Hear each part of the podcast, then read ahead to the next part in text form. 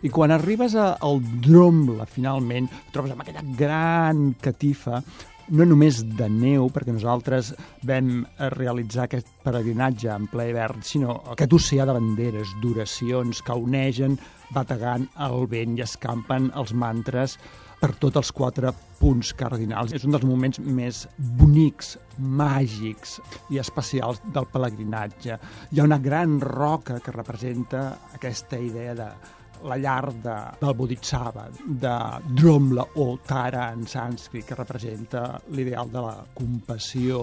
I sovint veus els pelegrins com recolzen el cap contra la roca que marca el pas de muntanya, amb les imatges a cinc colors de centenars de banderes d'oracions que formen un oceà simbòlic.